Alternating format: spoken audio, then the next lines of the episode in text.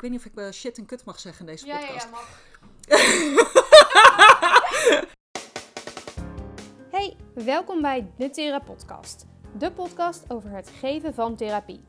Mijn naam is Marlon en ik duik wekelijks met experts de diepte in over de valkuilen en uitdagende situaties voor therapeuten en coaches. Leuk dat je luistert en veel plezier. Jitske, welkom. Ik zit hier vandaag uh, met Jitske. En Jitske is de vrouw die jou in één gesprek 10 centimeter kan laten groeien.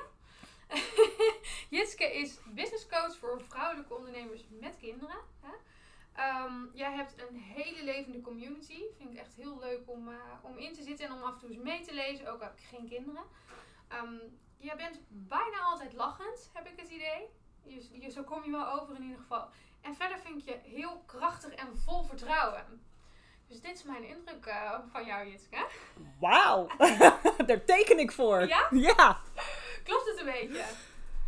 Ja, dat klopt wel. Alhoewel ik niet altijd lach hoor. Maar uh, ik ben wel heel erg een, een, een uh, onverslaanbare positivo. Dus ik zie wel altijd overal positieve van in. En dat vertrouwen klopt ook wel. Het diepe vertrouwen is er altijd. En op de oppervlakte ja, gaan er ook wel eens dingen gewoon mis. Je bent wel een mens, dus. Ik ben wel een mens, Lekker. ja. ja. Lekker. Ja, nee, maar dat is, dat is wel wat je uitstraalt. Hè. Als ik, uh, nou ja, stel ik zou, um, zou bij jou een traject afnemen, dan de, je straalt wel uit dat ik denk, oké, okay, dat komt goed. Zij kan me helpen. Ja. Nou, dat is mooi. Oh, Dan ja. gaat er iets goed. Ja, hè? ja dat je goed. Ja. hey, hoe is het met je? Ja, gaat goed. Het zijn uh, rare uh, tijden, hè? Mhm. Um, de corona, nou ja, we zitten er nou een jaar doorheen. Ja, precies een jaar hè, deze maand. Precies een jaar, ja. En als ik er wel één ding van leer, en zo is het leven altijd, maar corona heeft daar wel een mooi vergrootglas, vergrootglas op gelegd. Praten blijft moeilijk soms. uh, is dat je, ja, uh, omstandigheden kunnen altijd veranderen. En, um, en, en dat kan een heleboel onrust meebrengen. En soms uh, wanhopigheden, zeker als je kinderen thuis hebt. En nou ja, dan, dan is het gewoon echt wel even aanpassen als ze weer thuis zitten. Ja. Um, en daarmee om leren gaan is volgens mij de mooiste, het mooiste wat je kunt leren in het leven. Nou, dat wordt ons nu wel heel goed geleerd. Ja, ja. ja want ik, um, ik kan me herinneren, ik, ik heb jou ontmoet, ik denk zo'n twee jaar geleden. Of misschien een jaar geleden, zoiets. Toen kwam jij een keer bij het ontbijtnetwerk waar ik was. Ik weet nog dat je een geel, uh, gele blazer had je aan. Dat soort rare dingen onthoud ik altijd. Maar um, toen zei je meteen, ja, ik ben uh, business coach voor vrouwelijke ondernemers met kinderen. En ik vond het zo'n ja, je bent eigenlijk zelf het perfecte voorbeeld van wat jij in je werk dus aan anderen leert. Je hebt zo'n specifieke niche gekozen um, dat ik dat altijd heb onthouden. En dat ik ook dacht, ja, ook al heb ik geen kinderen, zou ik misschien toch naar Jitske gaan, omdat ik je gewoon daardoor heb onthouden.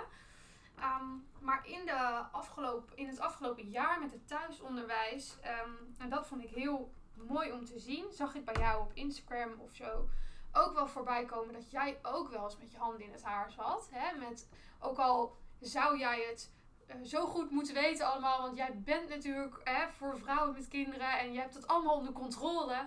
Dat, de, dat denk ik dan. En jij zat ook het afgelopen jaar wel eens met je handen in het haar. En dat vond ik eigenlijk zo lekker om te zien. En ook dat je dat gewoon liet zien. Um, van, het, het, is niet altijd allemaal makkelijk en koek en ei. En, uh, en ook ik vind dit um, ja, aanpoten. En, en we dealen ermee en het lukt. Maar Ja, en dat is dus precies ook wat ik wil doen in mijn werk.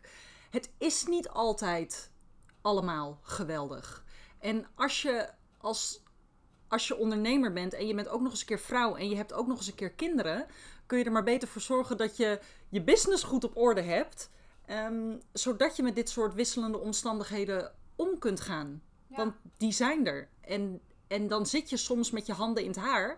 Maar het gaat er niet meer over dat je niet meer met je handen in het haar zit. Het gaat erom dat je merkt. Ik weet niet of ik uh, shit en kut mag zeggen in deze ja, podcast. ja, ja, mag. dat praat iets makkelijker. Uh, shit, hoe ga ik dit nu weer regelen? Want de scholen zijn dicht, want de juf heeft corona. Weet ik veel wat er aan de Ja. hand is. Het gaat erom dat je steeds sneller leert schakelen. De weerstand loslaten op dat er iets gebeurt wat anders is dan je graag zou willen. Dus juist de controle loslaten, Mm. waardoor je in controle komt. Oh, Want- mooi. Ja, ja. Want op het moment dat er weerstand zit in dit zou niet zo moeten zijn, dan wordt het ingewikkeld. Ja, ja, dat klopt.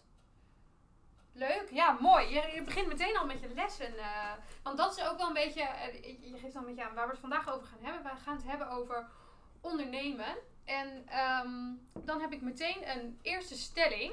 En die luidt, als je een KVK-nummer hebt, dan ben je een ondernemer. Nou, niet in mijn boekje. Nee. en die van mij ook niet. Nee, Maar dat dacht ik al. ja, weet je wat het. Ehm, ik begon, eh, nou wat zal het ondertussen zijn, zes jaar geleden als ondernemer. En een van de eerste lessen die ik leerde, ik kan heel goed zijn in mijn vakgebied. eh, maar dat betekent niet dat ik een goede ondernemer ga zijn. Nee. En ik heb toen vrij snel besloten, als ik dan coach word, wat ik toen nog niet was, want ik kwam uit de communicatie- en marketinghoek, maar ik wilde coach worden. Toen bedacht ik me wel, dan wil ik wel een van de, eh, wil ik een, een, een expert worden op een bepaald gebied. Vandaar ook mijn niche. Ehm, en dan wil ik er ook één worden die er gewoon een goede boterham mee kan verdienen. Want ik zag Ja. om me heen coaches als eh, gras uit de grond eh, springen. Of onkruid uit de grond. Ja, dat klinkt een beetje onaardig. Ja, maar dat klinkt Zo bedoel ik het niet. Maar in ieder geval, bloemetjes. er zijn er miljoenen van ondertussen. Want we kunnen ons allemaal coach noemen. Ja, en Met voor businesscoach ook heel Ja. veel. En voor therapeut is dat denk ik anders. Alhoewel, die, volgens mij wordt die titel ook redelijk misbruikt. Ja, je, mag, je, je bent gewoon vrij om te zeggen ik ben therapeut. Daar hoef je niet eh, per se een opleiding voor te hebben. Maar sowieso natuurlijk coaches ook. Hè. Coaches heb je op allerlei gebieden. Business coaches. Maar als het gaat om rouw, hè, zoals mijn vakgebied, ja, dan heb je ook al rouwbegeleider. Die schieten ook als paddenstoelen uit de grond. Dat was hem. Paddenstoelen, dankjewel. Prachtig. Ehm, maar ik realiseerde me dus wel al vrij snel, als ik dan coach wil worden, en ik wil niet zo een van de vele en zo'n struggelende coach die er amper van rond kan, ko- kan komen, want ik was gewoon een goede marketing communicatie projectmanager, ik verdiende goed geld, ik wilde dat minimaal evenaren. Ja. Toen dacht ik, ja, dan kan ik goed worden in mijn vak door coachopleidingen te doen en ervaring op te doen, heel belangrijk. Maar ik moet ook een goede ondernemer worden. Ja. En ik moet ook snappen hoe het werkt om te verkopen. En er was één ding wat ik niet wilde. En dat was verkopen. En ik kwam er al vrij snel achter Dan wordt het moeilijk. dat ik wel een manier moest vinden van verkopen die bij mij paste. Ja. Ja. Dus nee, als je je inschrijft bij de KVK ben je niet meteen Nee. eh, eh, ondernemer. Maar jij had dat al vrij snel door dus. Ja. Ja, want ik, dat duurde bij mij wat langer. Ehm, maar dat komt ook omdat ik niet eh, eh, naar de KVK... Of het was niet de bedoeling om ondernemer te worden of om zelfstandig te worden. Ik moest het worden voor mijn beroep. Toen ik werd een kindbehartiger en dat kan je alleen maar als zelfstandige doen. Dus ik moest ineens, ik kwam net van school en ik moest ineens naar de KVK om een, eh, nou, nummer op te halen en om mijn werk te kunnen gaan doen. Dus ik ben er anders ingestapt. Ehm, en ik kan me nog heel goed herinneren, wel uit, het begin, uit de begintijd, ik voelde me ook geen ondernemer. Ik wilde eigenlijk ook niet een ondernemer zijn. En dat mensen toen tegen mij zeiden, oh wat stoer, je hebt een eigen bedrijf. Eh, oh wat cool, wat cool. En toen dacht ik, nou het is helemaal niet cool. Je betaalt 50 euro, dan kan je gewoon 50 euro betalen. Dan ben je ook ondernemer, dus niks cools aan. Dus dat voelde ik wel heel erg, dat, het, dat ik het niet was en dat het niet klopte. En ik heb dat inderdaad echt moeten leren. Door gelukkig een business coach, die heeft me daar super goed bij geholpen. Ehm, was trouwens een financiële business coach waarbij, eh, waarbij dat kortje viel. Debbie, die is ook een keer hier geweest. Die is echt toen eh, begonnen om mij mijn eerste schoppen onder mijn kont eh, te geven. En mijn ogen ook te openen van hey, vakvrouw zijn en ondernemer zijn is gewoon heel iets anders allebei. En Ja. inmiddels eh, durf ik echt van mezelf te zeggen dat ik een goede ondernemer ben geworden. Ja. Maar dat, da- ja, dat leer je nergens. Dat leer je niet op school. Ehm, en dat is eigenlijk heel jammer, want dat zie ik zeker in het vakgebied waar ik in zit. Dus bij rouwtherapie, maar ook bij, vooral bij kindercoaches bijvoorbeeld. Ik denk dat het gros daarvan niet beseft dat je ondernemer moet zijn. Ze hebben allemaal eigenlijk een, beta- een betaalde hobby. En soms een heel slecht betaalde hobby. Ja, en wat ik er. En dan zeggen ze vaak, ze, om het maar even te generaliseren. Ja, dat ondernemen vind ik niks. Nee. Ik wil dat niet. Of ik ben niet zo commercieel. Of, ehm, en, en, dan, en dan denk ik, ehm, dat kan. Maar als jij niet ook het ondernemerschap wil leren, kun je minder mensen helpen. Ja. En dat is wat je uiteindelijk wil, toch? Daarom ben je, je wil iets veranderen in de wereld. Of je wil iets toevoegen of waarde toevoegen aan de wereld. En dat, dat merk ik wel, dat ze dan zeggen, ja, dat, dat ondernemen is gewoon niet echt mijn ding. En dan denk ik, nou, dat komt misschien omdat jij een bepaald beeld hebt van ondernemen. Zeker ehm, als je ouders hebt gehad die ondernemers waren met een winkel of met een fysiek bedrijf, dan heb je waarschijnlijk iets meegekregen in de trant van: Mijn vader was er nooit, want die was altijd op de zaak. Ja. En mijn moeder was altijd thuis en zagrijnig, omdat die altijd alles moest doen, omdat pa er nooit was. En, dan, en dat is een overtuiging geworden over ondernemerschap, dat het zwaar is en hard werken is en moeilijk is. En dan willen we dus geen ondernemer zijn, want dat zit die nare nasmaak aan. En daar moet je echt van af willen. Het zijn echt je eigen beperkende overtuigingen eigenlijk die je dan hebt, die, eh, nou ja, die, zorgen, die ervoor zorgen dat jij geen goede ondernemer wordt. Ja, en de oordelen die jij hebt over wat je zou moeten doen om een goede ondernemer te zijn. Dan moet je namelijk mensen eh, gaan overtuigen om bij jou te komen. Of dan moet je ze, ik hoor heel vaak over verkopen, ja, dan moet ik allemaal trucjes uithalen om ja. ze binnen te halen. Ja. Of dan moet, ik, dan moet ik op social media van alles gaan doen. En je moet helemaal niks. Je moet zoeken naar een manier die bij jou past. Dat Ja. moet je doen. ja. En hoe doe je dat? Zoeken naar een manier die bij je past. Nou, ik denk wel dat ondernemen iets is wat je moet leren. En dat leer je door eh, te studeren. Dus je zorgt dat je iemand hebt die het je kan leren. Ja. Eh, en niet om mezelf als business coach te promoten. Maar schakel alsjeblieft de hulp in van een coach of een Ja. trainer die jou dat kan leren. Nou ja, als jij het niet doet, dan doe ik het wel. Want ehm, eh, schakel gewoon een business coach in. Dat is echt mijn simpelste tip. En ik wou dat ik het had gedaan toen ik begon. Want ik ben, ik ben nu vijf en een half jaar bezig. Van die vijf en een half jaar ben ik denk ik vier jaar aan het struggelen geweest. En in die vier jaar had ik er nog eh, deeltijd een baan bij. En soms eh, was het zelfs zo dat ik, ik werkte best wel veel, maar dat ik geld van mijn eh, privérekening, wat ik met mijn loondienst verdiende, moest ik overmaken naar mijn zakelijke rekening om mijn dingen, hè, mijn huur van te kunnen betalen en dat soort zaken. Omdat ik gewoon niet genoeg verdiende. En als ik nu terugkijk naar die jaren waarin ik echt veel uren heb gewerkt en misschien 5000 euro een keer heb verdiend, en dat was dan veel, dan denk ik, waar was ik mee bezig? Ik wou dat ik Ja. iemand had gehad die mij van vooraf aan, ook al lijkt een x bedrag voor business coaching op dat moment veel geld. eh, dat ik dat had gedaan. Want dat had me zoveel geld bespaard. Ja, en dan wil ik aanvullen, want jij zegt dat geld. Kies inderdaad een business coach niet de goedkoopste training voor een paar tientjes die Nee. het je gaat leren. Of Het goedkoop-.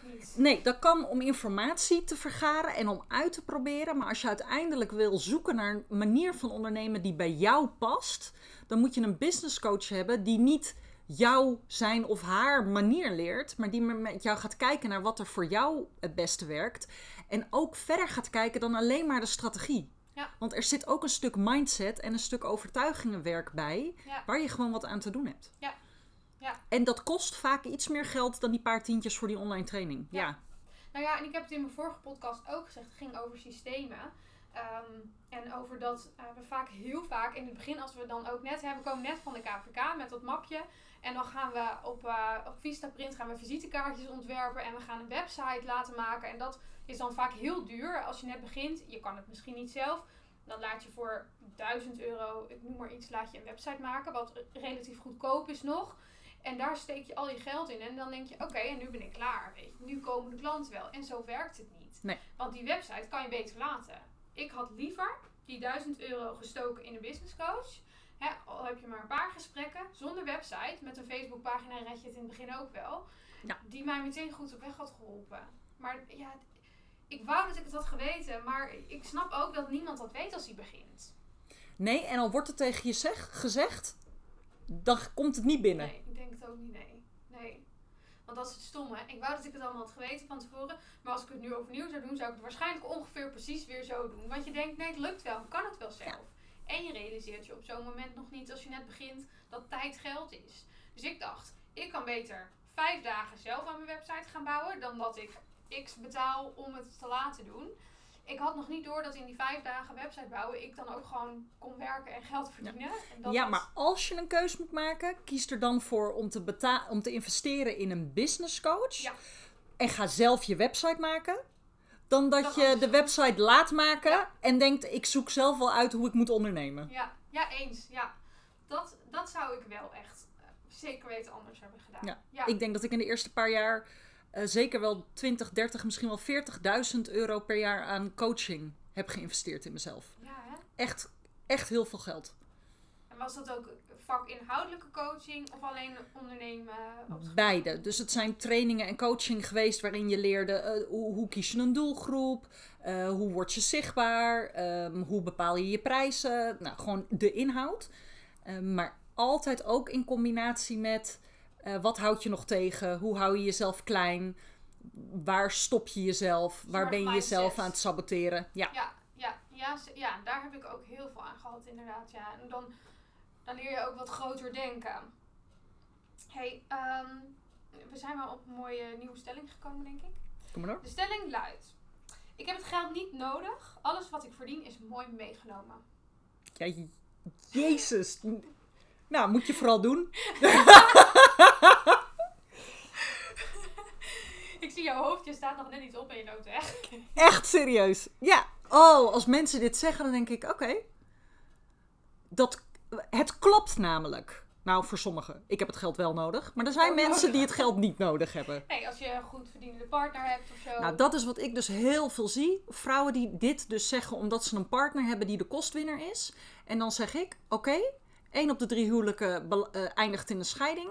Ehm, en dan hebben we het nog niet eens over een coronacrisis waarin ik weet niet hoeveel ontslagen vallen. Mensen die ziek kunnen worden. Eh, Mensen die doodgaan. Ja, zullen we die er ook even in gooien? Mensen die gewoon op hun 40ste, 50ste doodgaan aan een hartaanval. En dan zit jij met je, ik heb het niet nodig. En heb jij je vooral heel klein gehouden. En mag jij nou met je kinderen naar een flatje in een, in een buurt, naar een buurt verhuizen waar je niet op Ja. straat durft te lopen zodra het donker wordt? En daar zit je dan. Ja, en daar wil ik toch ook nog aan toevoegen. En waar is je, je eigen waarde of je verantwoordelijkheid? Ik weet niet helemaal. Dat is de tweede. Ja, waarom zou je jezelf hierin Ja. beperken? We zijn zo in. We denken dat als ik meer krijg, krijgt een ander minder.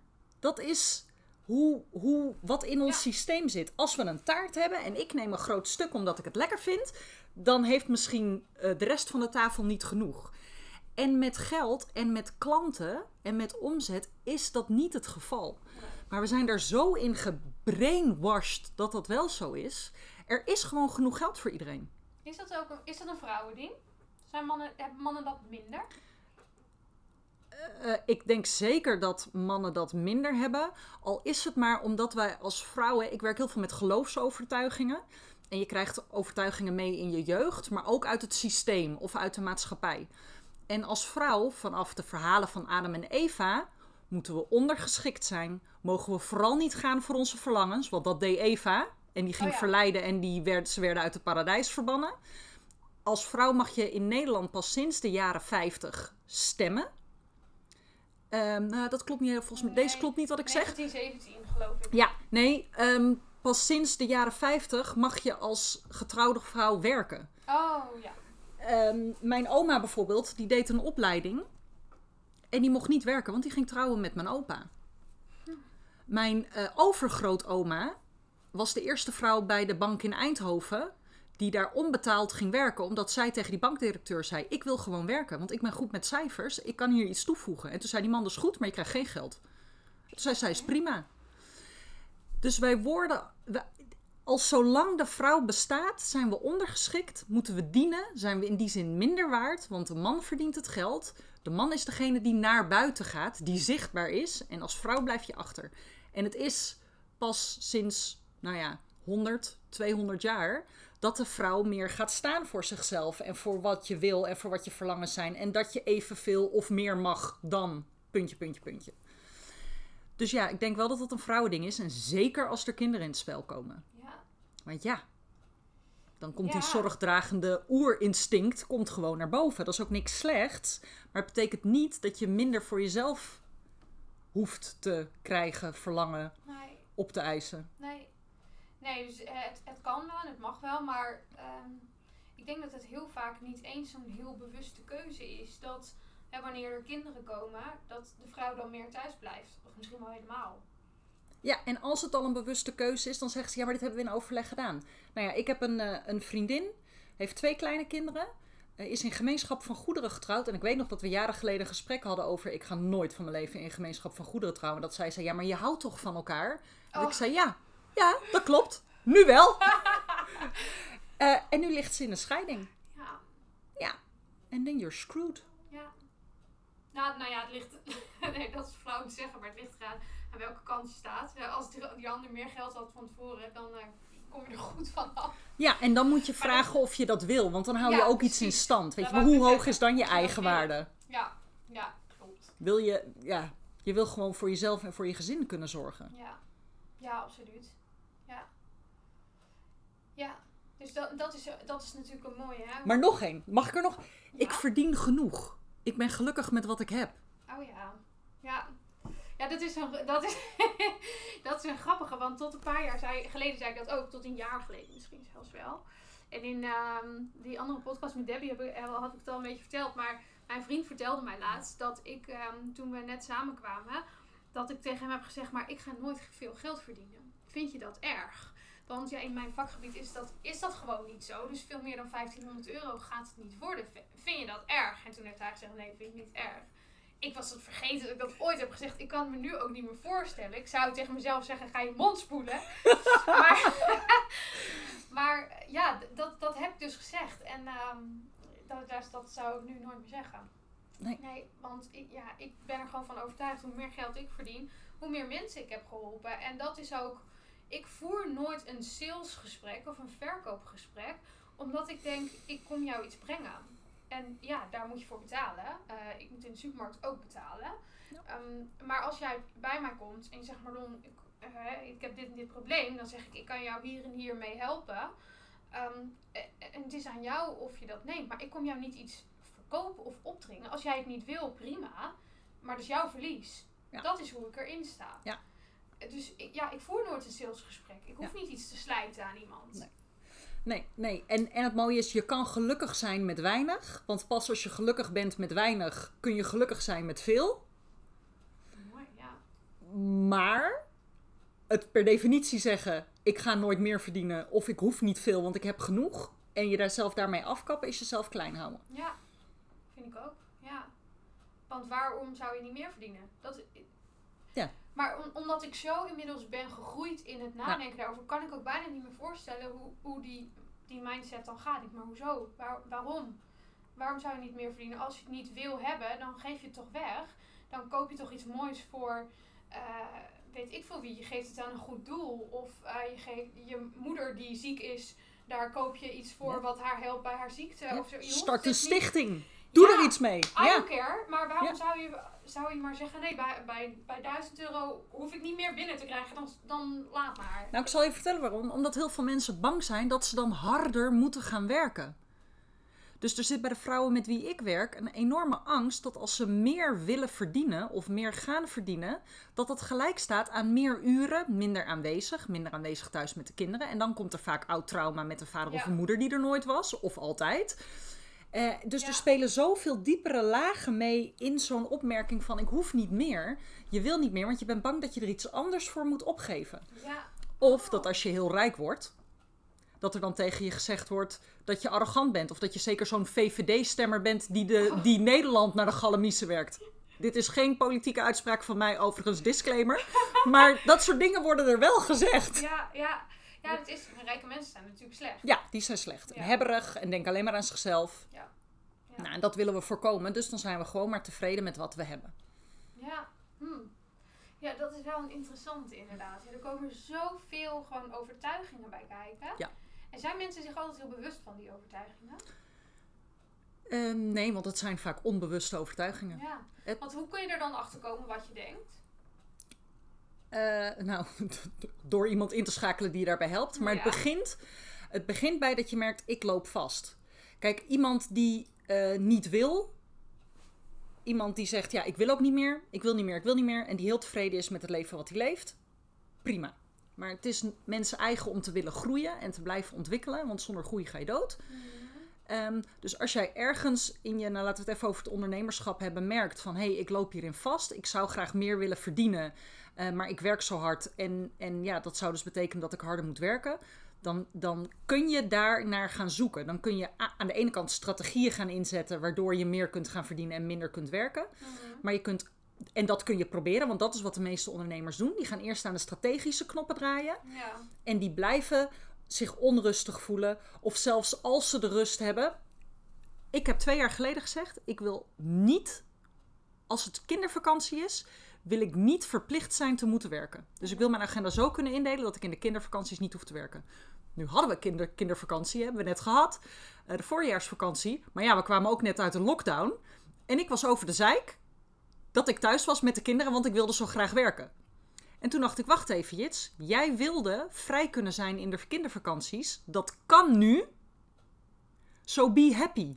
Wees hier blij mee. Ja. Dat was ik niet, want ik had net al weken thuis gezeten met mijn kinderen. En wat moet je op een gegeven moment nog met ze doen? Ja. Ik chargeer een beetje. Ehm, Kleine disclaimer. maar daar zat dus bij mij, kwam ik weer achter een overtuiging van... hé, hey, zelfs als ik de rust heb, is het niet goed. En dan merk je dat je jezelf aan het saboteren bent. Want dan voel je je slecht. En dan, nou, als je je slecht voelt, word je weer zagrijnig. Dat ga je uiten, op welk vlak dan ook. Of naar binnen, of naar buiten. Ehm, dus hoe kom je erachter of je onbewuste overtuigingen hebt... als je merkt dat wat je ook doet, het niet verandert? Ja. En eh, of welke strategie je ook toepast, of welke coaching je ook hebt gehad, je merkt dat je onzeker blijft. En dan op een gegeven moment zegt ze, ja, ik weet gewoon dat ik onzeker ben. Maar ja, ja, daar moet ik mee leren leven. Of ehm, als je merkt, ik wil wel hogere prijzen vragen, maar ik durf niet. Wat zit daar dan onder? ja. En dat, moet je, dat kun je onderzoeken. Dus je, ga- je gaat eigenlijk kijken waar, waar loop ik tegen iets aan waar ik niet verder kom, waar Ja. blokkeer ik. En dan kan je gaan onderzoeken, eh, ofwel door na te denken, ofwel door een coach in te schakelen van wat zit eronder, wat, wat zit er voor overtuiging Ja. onder dat mij dat niet lukt. Ja. Heel concreet voorbeeld nog, en dan zal ik erover ophouden, want eh, er is volgens mij nog een stelling. Ik werk met heel veel vrouwen die het lastig vinden om zichtbaar te zijn op social media. Oh ja, Die dat vinden hoor ik vaak. Ja. Ja. Dat is best wel moeilijk. Zeker voor coaches en therapeuten. Want wat vertel je dan nog? Want er zijn er zoveel. Ehm, dan leg ik ze in eerste instantie de strategie uit. Hoe je dat kunt doen. En dan nog doen ze het niet.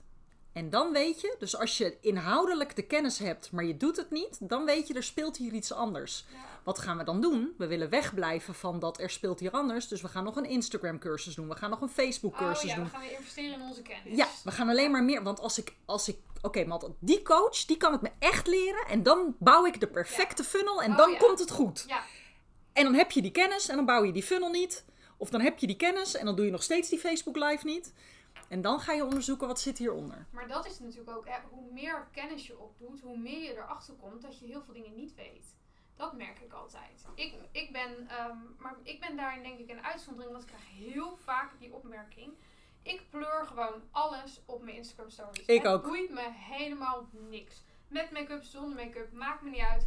En dan krijg ik van mensen altijd de opmerking van... Oh, maar ik vind het zo leuk om je stories te kijken. Ik moet altijd zo lachen om jou. Of eh, oh, ik vind het zo knap dat je dat doet. eh, nee, en dan denk ik, hoe, oh, hoe doe je dat dan? Vragen ze dan. En ik weet ik veel. Ik Gewoon de doen. telefoon en gewoon doen. Dat is, ik denk er niet over na. En ik heb die, die blokkade of die angst niet. En tuurlijk ben ik wel eens bang. Wat zullen mensen van me vinden? Maar ik laat dat niet een, een rol spelen in Nee. mijn leven. Ik, als ik iets post, dan kijk ik wel net iets te vaak of er al mensen hebben gereageerd. Als niet zoveel mensen hebben gereageerd, dan denk ik wel eens, hmm, zou, zou het niet zo leuk zijn? Maar dan zet ik dat weer aan de kant, want ik laat me niet tegenhouden. Dus het is niet zo dat ik het stemmetje niet heb, maar die schop gewoon weg of zo. Ja, ja. ja ik, ik wil niet me laten tegenhouden door angst of door andere mensen, want ik vind het leuk. En ik post het ook niet per se voor andere mensen. Ik post het omdat ik het zelf leuk vind. Ja, super. En dat, ja, ik heb dat, ik ben daar gewoon ongeluk mee geboren, denk ik, dat ik dat heb. En ik